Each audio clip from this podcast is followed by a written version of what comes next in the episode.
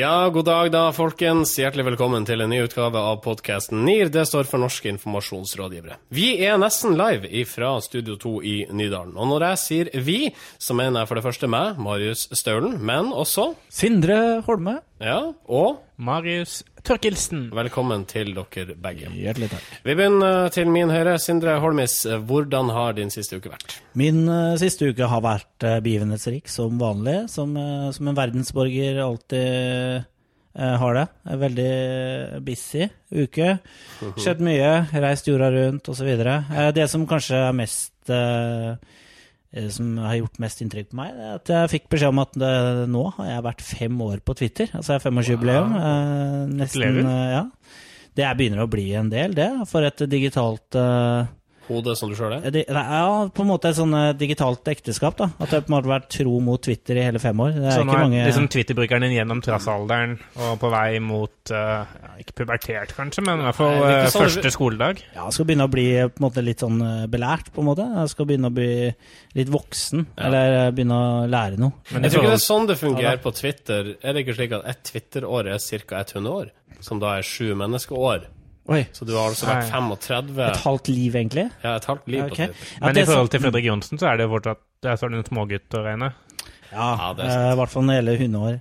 Uh, hvis det er det vi, vi skal regne opp til. Ja, Men det gjør, som, som uh, jeg, jeg, vil legge til en ting, fordi jeg husker at jeg begynte Når jeg begynte på Twitter, så, så tvitra jeg på engelsk, og litt sånn seriøst. Det var, liksom, det var liksom pro Nei, man lenka til litt sånn kule blogger, og dette skjer i Dette skjer innenfor ditt og datt og PR og digitalt og sånn. Det var litt sånn uh, Man kjente jo ikke så mange der, ikke sant? så man prøvde å gjøre et godt inntrykk. Hvordan er din uh, opptreden i Twitter i dag? Hva tvitra du om Det er nesten uh, ikke-eksisterende, vet du. Altså, Men når du tvitra, hva bare, tvitra du? Bare promotere NIR. Altså, det er blitt sånn promohore, egentlig.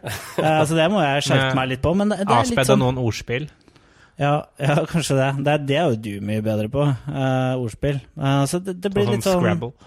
Ja. Uh, det er vel Blander du med Wor- Wordfeud nå, eller? Ja. Ja. Mm. Jo, det blir litt sånn Wordfeud-tvitring, da. Kan ta et par av dine tweets. Nei, ikke gjør det.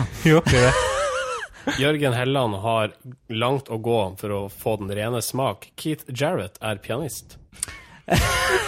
Ja. ja det Skjønner ingenting, jeg. Nei, jeg, det, det er sånn som eh, Ikke sant? Det er det jeg sier. Altså, den, den tvitringa har blitt eh, gått helt over styr. Eh, den har ikke noe Det blir sånn fragmenterte utspill. Ja. Litt sånn okay. Tourettes-tvitring. OK, Mr. Torkelsen uh, over here. Hvordan går det med deg? Ah, endelig. Det går bra. Jeg har uh, ikke hatt en så begivenhetsrik uke som uh, Sindre. Eh, jeg har faktisk ikke gjort så mye. Jeg var litt sjuk og var litt sånn treig og ikke jobba så mye og sånn fordi jeg har vært sjuk. Uh, Kjedelig. Kjedelig. Men så kom jeg over en gladsak i dag, og da jeg merker jeg bare sånn glad på innsiden. For jeg blir alltid veldig glad når eh, filmer blir virkelighet. Det er en av hobbyene mine. sånn Bare følg med på det. Og, og så har jeg funnet ut at uh, Lost in Translation, da. Eh, den, den er i ferd med å utspille seg på ekte. Eh, Ok, ja. Kjapp recap av Lost in Translation. Lost in Translation handler om en, eh, en eh, sånn falmende filmstjerne som drar til Tokyo for å spille inn en reklame for et eh, whiskymerke. OK, og hva er i ferd med å skje? Eh, det kom ut denne uken at eh, Leonardo DiCaprio har spilt inn en eh, japansk reklamefilm for whiskymerket Jim Beam i Tokyo. Og den har nå funnet sin vei til YouTube og havnet i vår alles felles kulturarv, så å si.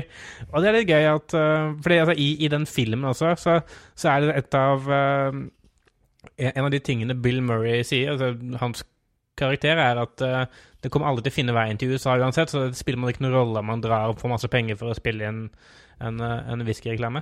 Uh, men hvis han hadde levd da litt noen år senere, da, så hadde det tydelig at, uh, at det hadde skjedd. Mm. Og de som har sett denne filmen, Ja. skjønner hvor ille det er for Leonardo DiCaprio at dette kommer ut. For det er en ganske pinlig film. Dette bør noen tvitre om. Ah. Det Sindre Holme, du Ja. kan eh, forfatte, forfatte et eller annet kryptisk på det der. Et eller annet- et eller annet kryptisk skal jeg i hvert fall klare å forfatte. Om det blir om det, det er ikke sikkert. DiCaprio på vei ned. Undrer om han havner i lasagne.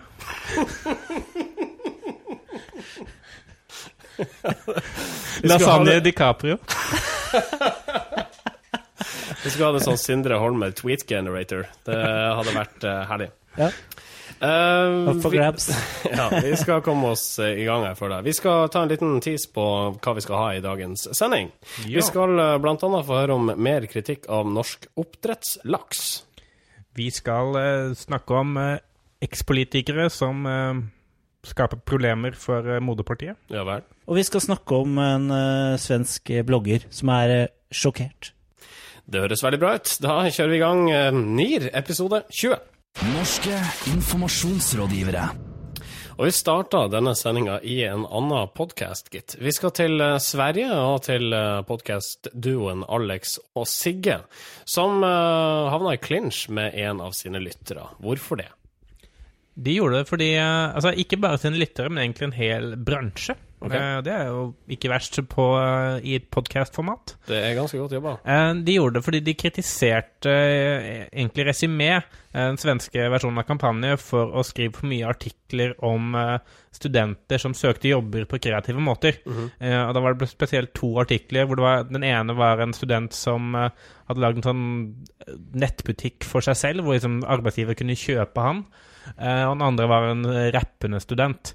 Uh, en, en, student da, som rappa sin CV. Mm. Og så kritiserte de da det, og det med rette, kanskje. Ja, Vi skal få et uh, klipp ifra denne rappende studenten som altså er på jobbjakt i Sverige. Låt mig nu få presentera mig själv Jag heter Kalle och jag lider av en ambivalens Ska jag gå efter mannen, lägga CVt i en plastbank? Eller säga vad jag kan när jag rappar? Examinerad, jävligt engagerad, socialt etablerad Plus jag kreativ med mera och jag innehar en kandidat Så det kan inte vara typ varje dag ja, Vi hørte altså studenten Kalle Lehmann som uh, rappa på en uh, bit ifra Kanye West, som igjen har sampla han ifra Daft Punk. Ja. Vi får ta med det òg. Som vi da igjen rappa, äh, rappa Som vi rappa ifra podkasten Alex og Sigges podkast, som altså spilte den låta i utgangspunktet. og dette klippet her er på en måte utgangspunktet for disputten. Ja, fordi uh, i etterkant av uh, at uh, Alex og Sigge kritiserte da den studenten, så valgte da den første studenten hadde denne webbutikken, og eh, kom med et motsvar. Eh, og det han gjorde som sitt debattutspill, var egentlig da å starte et fiktivt PR-byrå med navnet da til han ene programlederen. og det heter altså da Sigge Ekelund eh, Informasjon AB. Mm -hmm. Ja, Forretningsideen er egentlig å presentere produkter akkurat sånn de er. Uh, uten noe krimskrams, som de sier selv. Uh, og det er jo da et motsvar på at liksom, ja, altså hvis vi ikke kan vi ikke bruke altså Betyr det at vi ikke kan bruke kreativitet for å, for å snakke om uh, firmaer og produkter? og det her har jo skapt litt sånn rabalder i Sverige, fordi at Alex og Sigge de er ganske profilerte, kjente hva skal jeg si, podkast-folk, hvis det fins. Komikere. Uh, og blir da, de blir da også stilt spørsmål om liksom eh, Driver de og sparker nedover, og hvorfor gjør man det? Grunnen til at de blir kritisert, er jo fordi uh, de henger ut disse studentene som uh, egentlig bare har lyst på ros fordi de er kreative. og jeg synes jo på en måte de har et godt poeng, for de sier at hvis, uh, hvis det at man rapper sin CV blir et uttrykk for at man blir en god reklamemann, uh, hvilke signaler er det egentlig det sender? For da skal alle da egentlig bare rappe CV-en sin, og så er det godt nok. Ja, ikke sant. Dette er til forsvar uh, for podkasterne her. Ja, eller bare, altså, det, var egentlig, det var det som var det deres poeng, da. og så uh, måte følte studenten i seg selv seg litt støtt av det, eh, og ikke minst bransjen som helhet, for det reflekterer liksom hvordan reklamebransjen egentlig tenker kommunikasjon. Mm, det, det, men, men, det er jo et godt ja. poeng, da, at dersom én blir kreativ på dette viset, og så blir det belønna, ja. så kommer jo på sikt alle til å bli kreative, og hvis alle er kreative, så er ingen kreativ. Nei, for da, da, blir det jo formen og ikke innholdet som blir viktig. Men det her reflekterer jo også litt av det liksom, hierarkiet som finnes innenfor de kreative eh, bransjen. Mm eh, det kuleste man kan eh, få til, er jo å komme på TV og ha et eget humorprogram.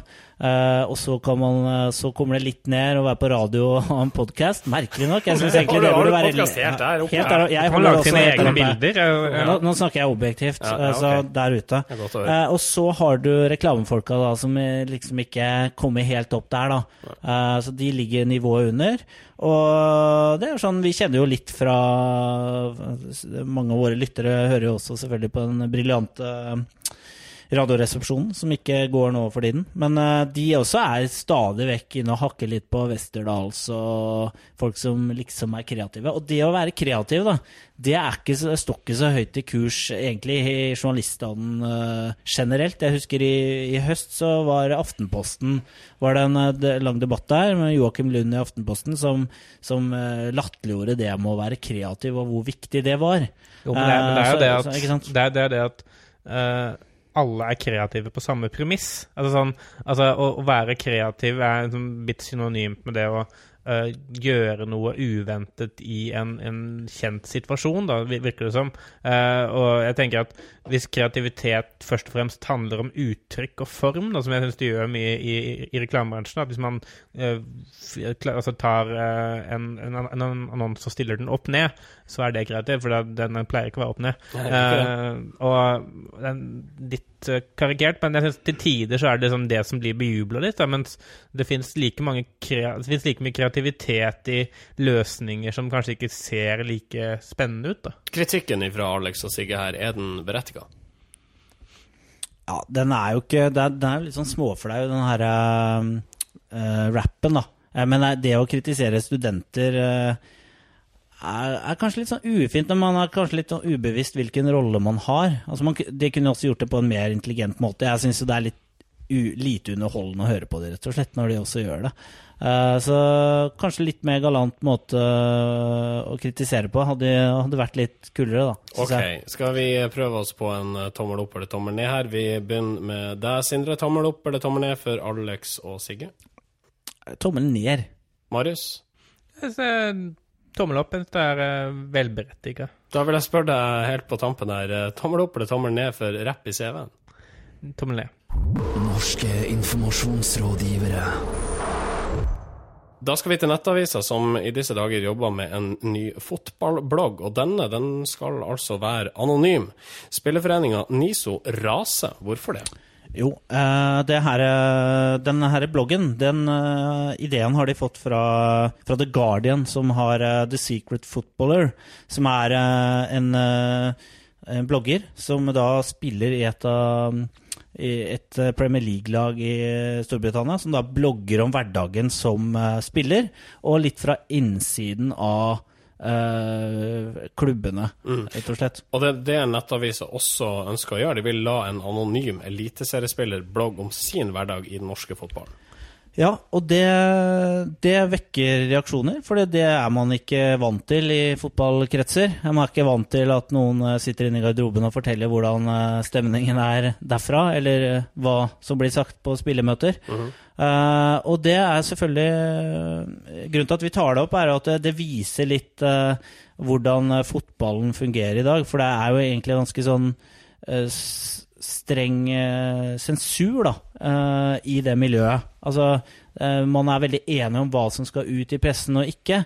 Eh, og selvfølgelig fotballklubbene føler at de gir nok til pressen som de gjør. For de står på treningsfeltet eh, hver dag, så er journalistene der, de er på, kamp. Og det er jo kilde til veldig mye stoff. Så kanskje tenker Ja, så jeg tror fotballklubbene tenker at det får være nok. Men eh, er det, grunn, altså er det av den grunn grunn til at NISO skal bli forbanna? Nei, jeg tenker det er litt paranoid. Jeg tenkte litt på det, for Sindre spilte inn denne saken, og stilte nettopp det spørsmålet også, hvorfor i all verden bryr NISO seg om dette?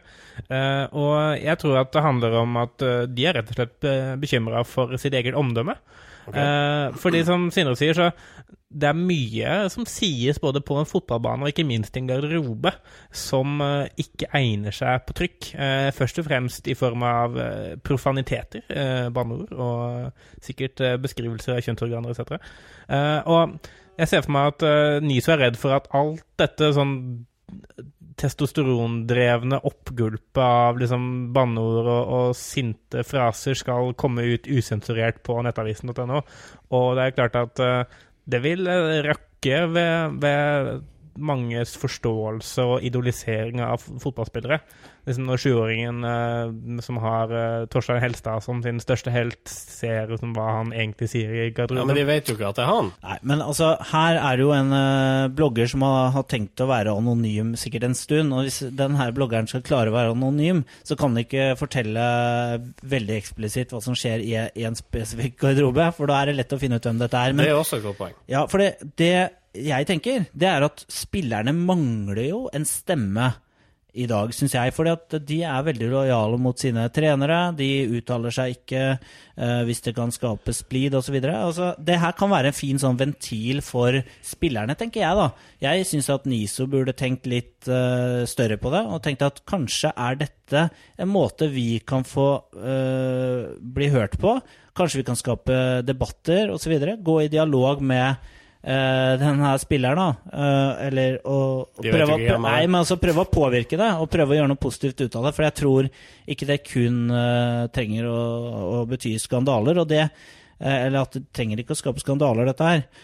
og det tror jeg altså den modellen fra The Guardian viser, at det er egentlig ganske mange interessante temaer som kommer opp i den bloggen de har. da. Mm. Men det de er redd for, er måtte alle disse spekulasjonene som de er redd for skal oppstå om hvem det er. Og, og, og så mener de at det norske fotballmiljøet er, mye mindre enn det britiske. Så det vil være lettere å finne ut hvem det er, spesielt hvis man tenker på hvor mange skrivekyndige fotballspillere det egentlig er i Norge. uh, så er det bare å velge en av de tre, sånn sannsynligvis.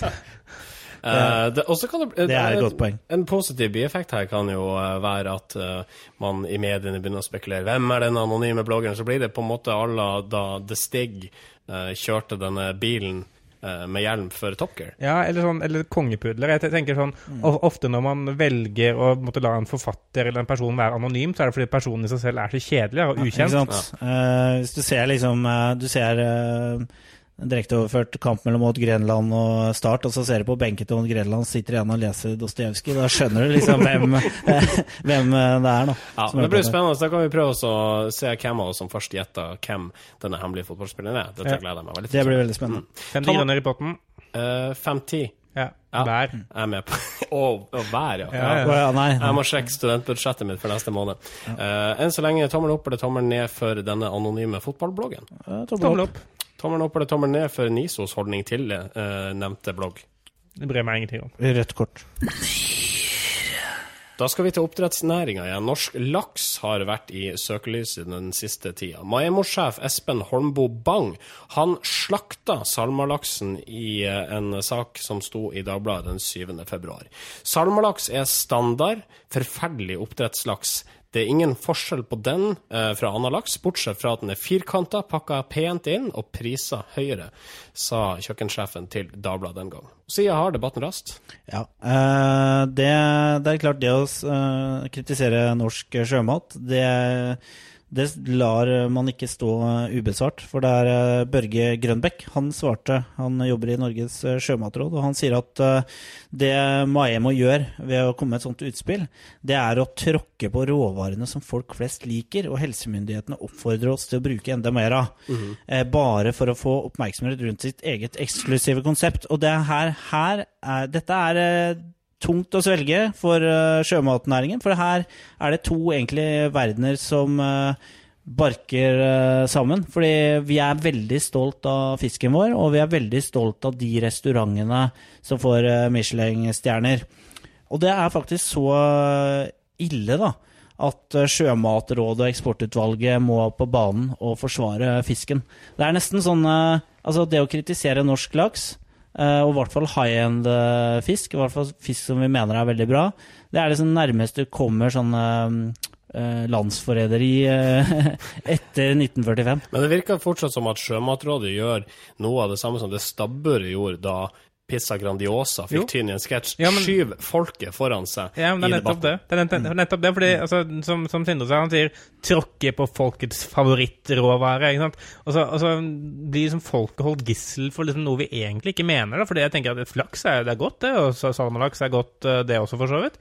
Men, men jeg har aldri tenkt på det som noe sånn super high end Jeg har aldri vært stolt over norsk altså, laks, utover at vi har solgt mye av det.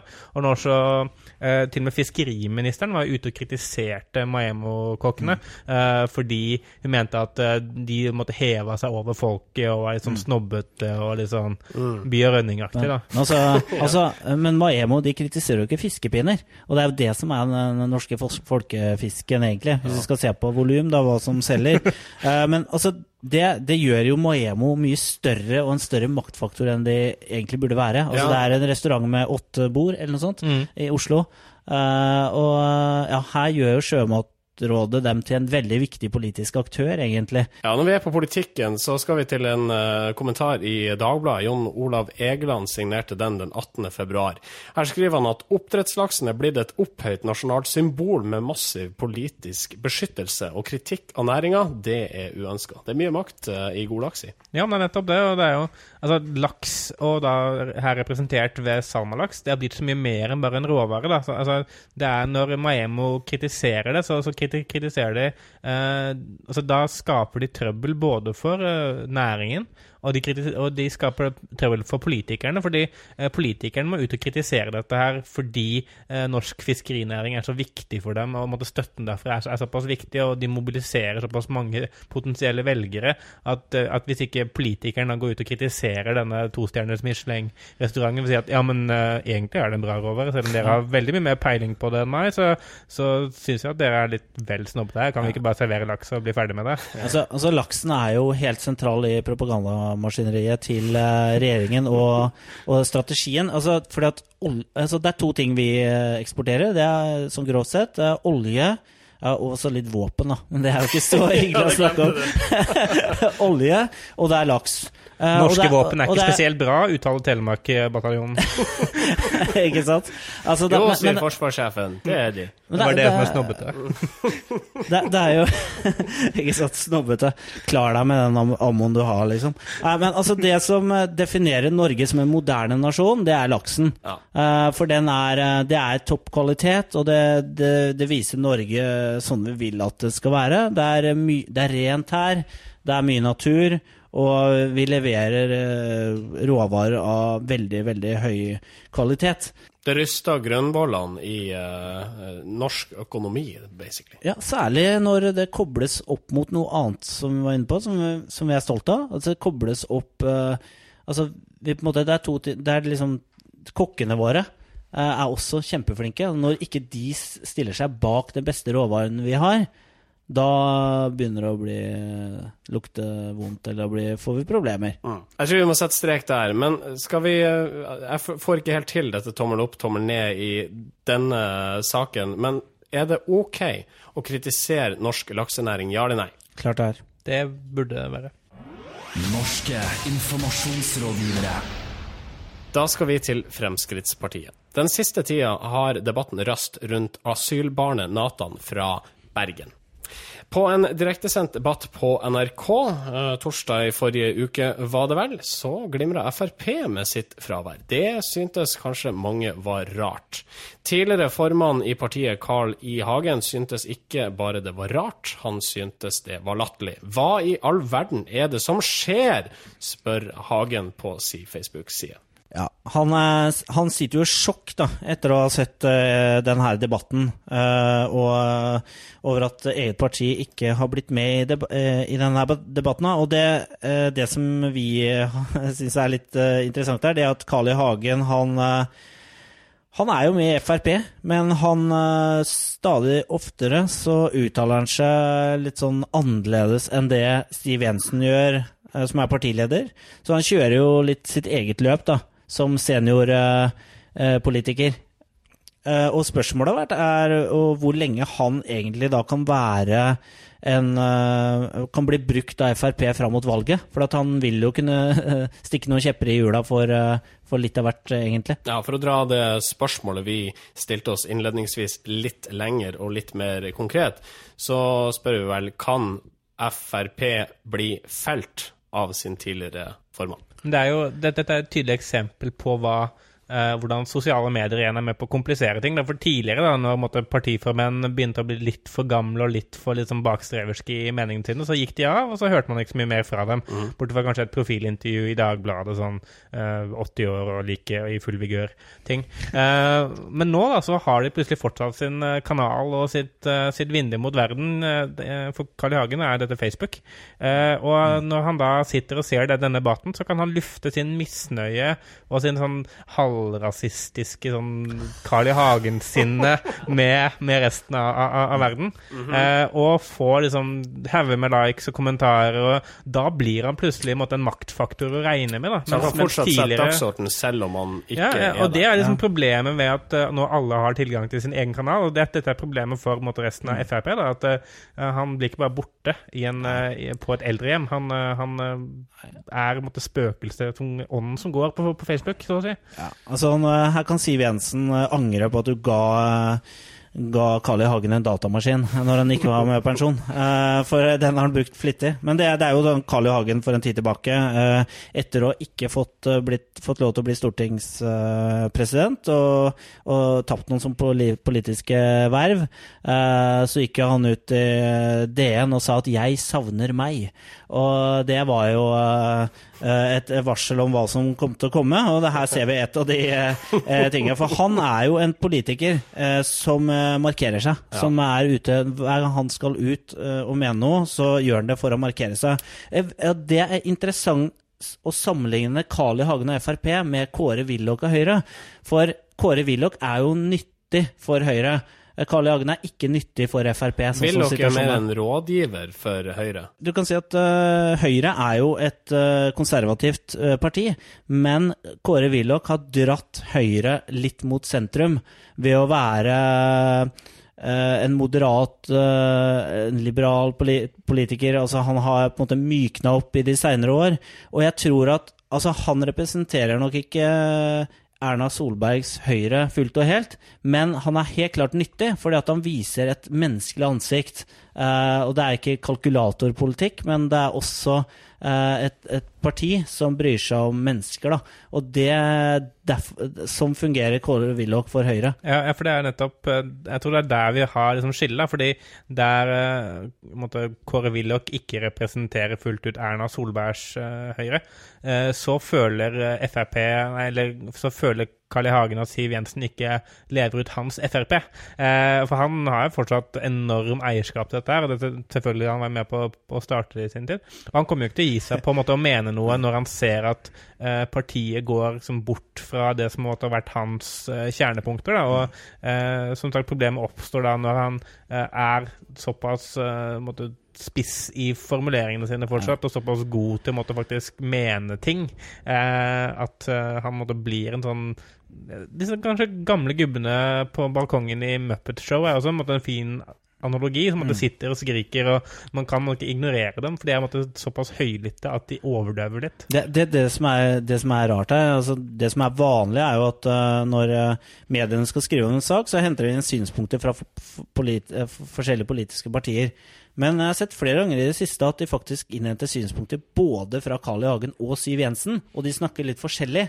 Og det er jo noe mediene gjør helt bevisst for å vise at uh, det er splittelse innad. Og hadde dette vært for ti år siden, så ville selvfølgelig Siv Jensen uh, gitt Carl I. Hagen et fint hus i Spania og sagt uh, ha det fint, kos deg, Karl. Klipp uh, bredbåndslinja samtidig. Men siden, ja, ikke sant? siden det ikke er mulig å klippe den, så ja. Han har fått seg trådløs rute for lenge siden. uh, tror dere Frp noen gang kommer til å bli kvitt Carl I. Hagen? Altså, det er jo ting som Jeg vet jo at Tine vil gå sin gang på sikt, men jeg snakka deg om Tror dere La meg reformulere, da. Tror dere Carl I. Hagen kommer til å roe seg ned da med sitt voldsomme sideline-engasjement? Jeg, jeg, tror det handler om uh litt om ego. Altså, han, han, føler at altså, tingene som har skjedd etter litt hans avgang Ja, men altså, jeg, jeg, tror også Jeg tror det handler både om ego og ideologi. Altså, jeg tror faktisk han er, han er en person som virkelig har noen overbevisninger som, som, han ikke gir slipp på, men så handler det like mye om at han føler at han ikke blir hørt.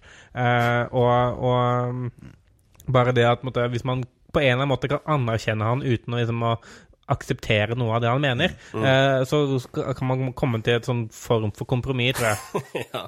Men tilbake til hovedspørsmålet. Tror dere Frp kan bli velta nå i forbindelse med valget i september av Carl I. Hagen? Ja eller nei nå? Carl I. Hagen han prøver, prøver nå å måtte bruke sin eh, kall det merkevare som politiker, som brekkstang, for å egentlig få noe reell innflytelse i Frp. Og man kommer til å komme til et punkt hvor han faktisk blir nødt til å måtte få det. Eh, og derfra ut så tror jeg det roer seg.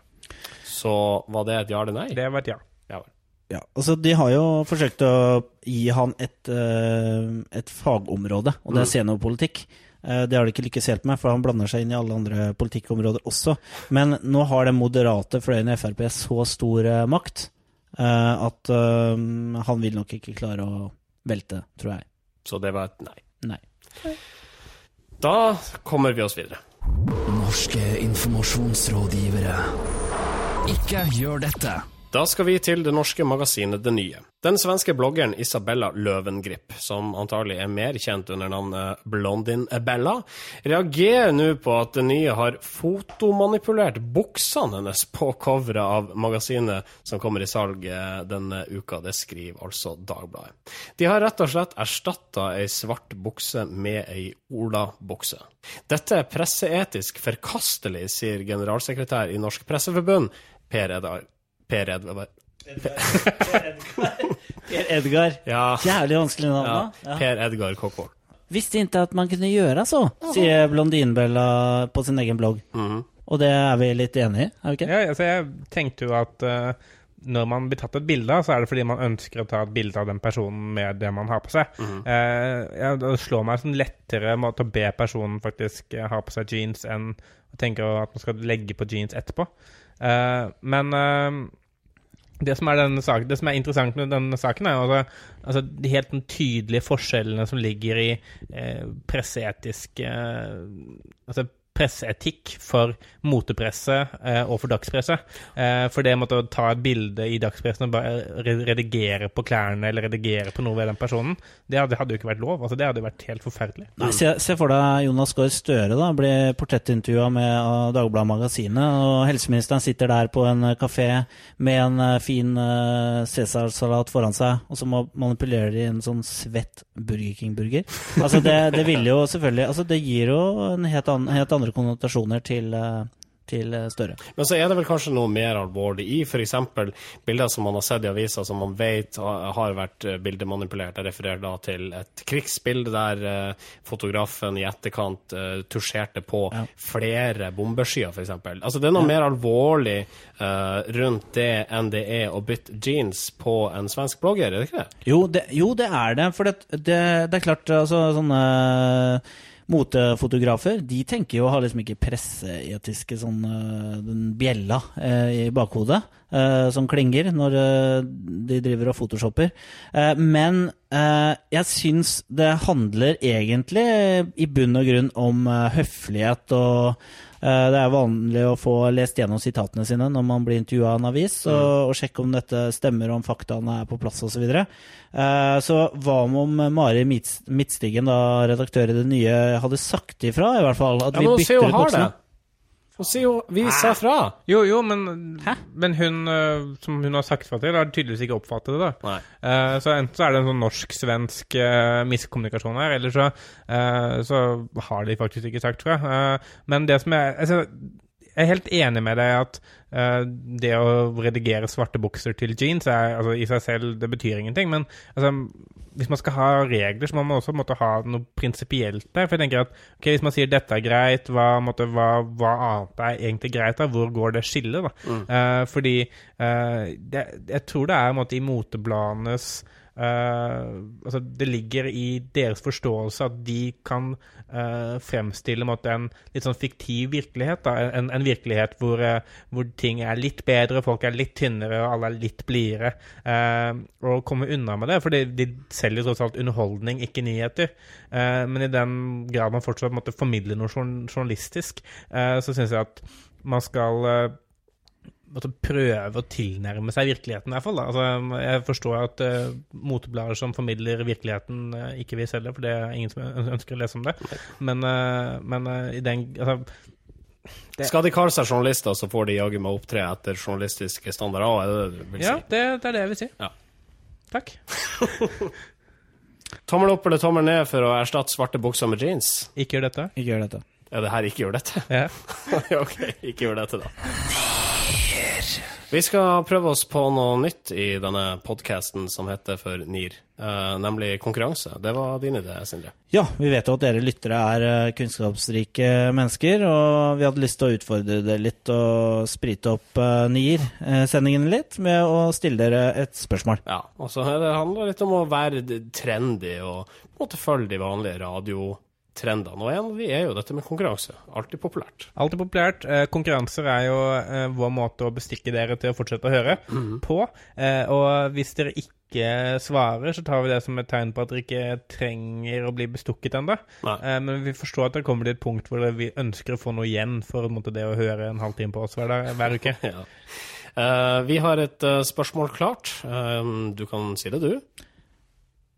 Hvor gammel er Hans Gelmyden? Hvor gammel er Hans Gelmyden? Hvor gammel er Hans Gelmyden, spør eh, guttene i uh, den grønne sofaen her borte. Og hvis du vet svaret, så kan du sende oss en e-post. Nearcast at yahoo.com. Ja. Hva har vi i premie? Vi har uh, en random ting fra min fancybox. Hva?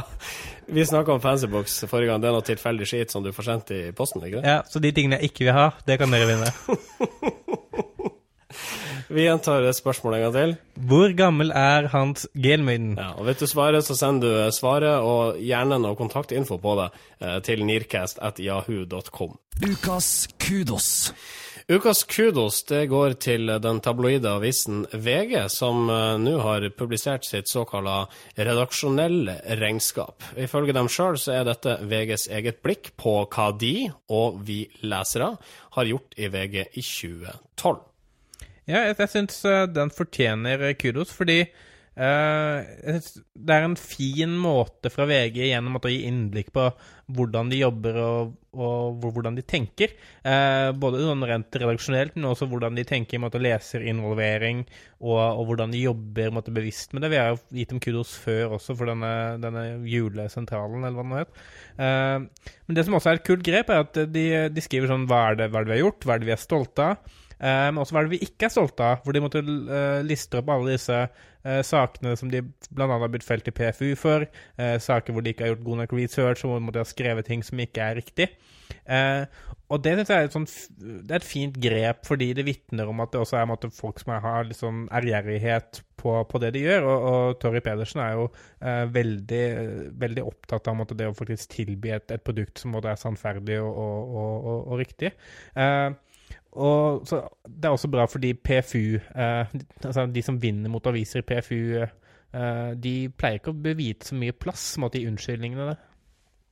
Ja, altså De har jo et eget punkt her som handler om å irritere leserne. Eh, F.eks. med faktafeil og, og stavefeil. Og, så, og, så og jeg syns at det er, det er, noe veldig tidsriktig ved å komme med en sånn uh, rapport. Fordi Eh, det, eh, det, å fortelle om sine feil, eh, da kommer du på en måte kritikeren litt i forkjøpet. VG slår altså et slag for åpenheten da i norske mm. redaksjoner gjennom dette redaksjonelle regnskapet. Ja, for Ydmykhet er jo ikke pressens sterke side. De pleier ikke å ha det, og de pleier å være treige med å innrømme feil.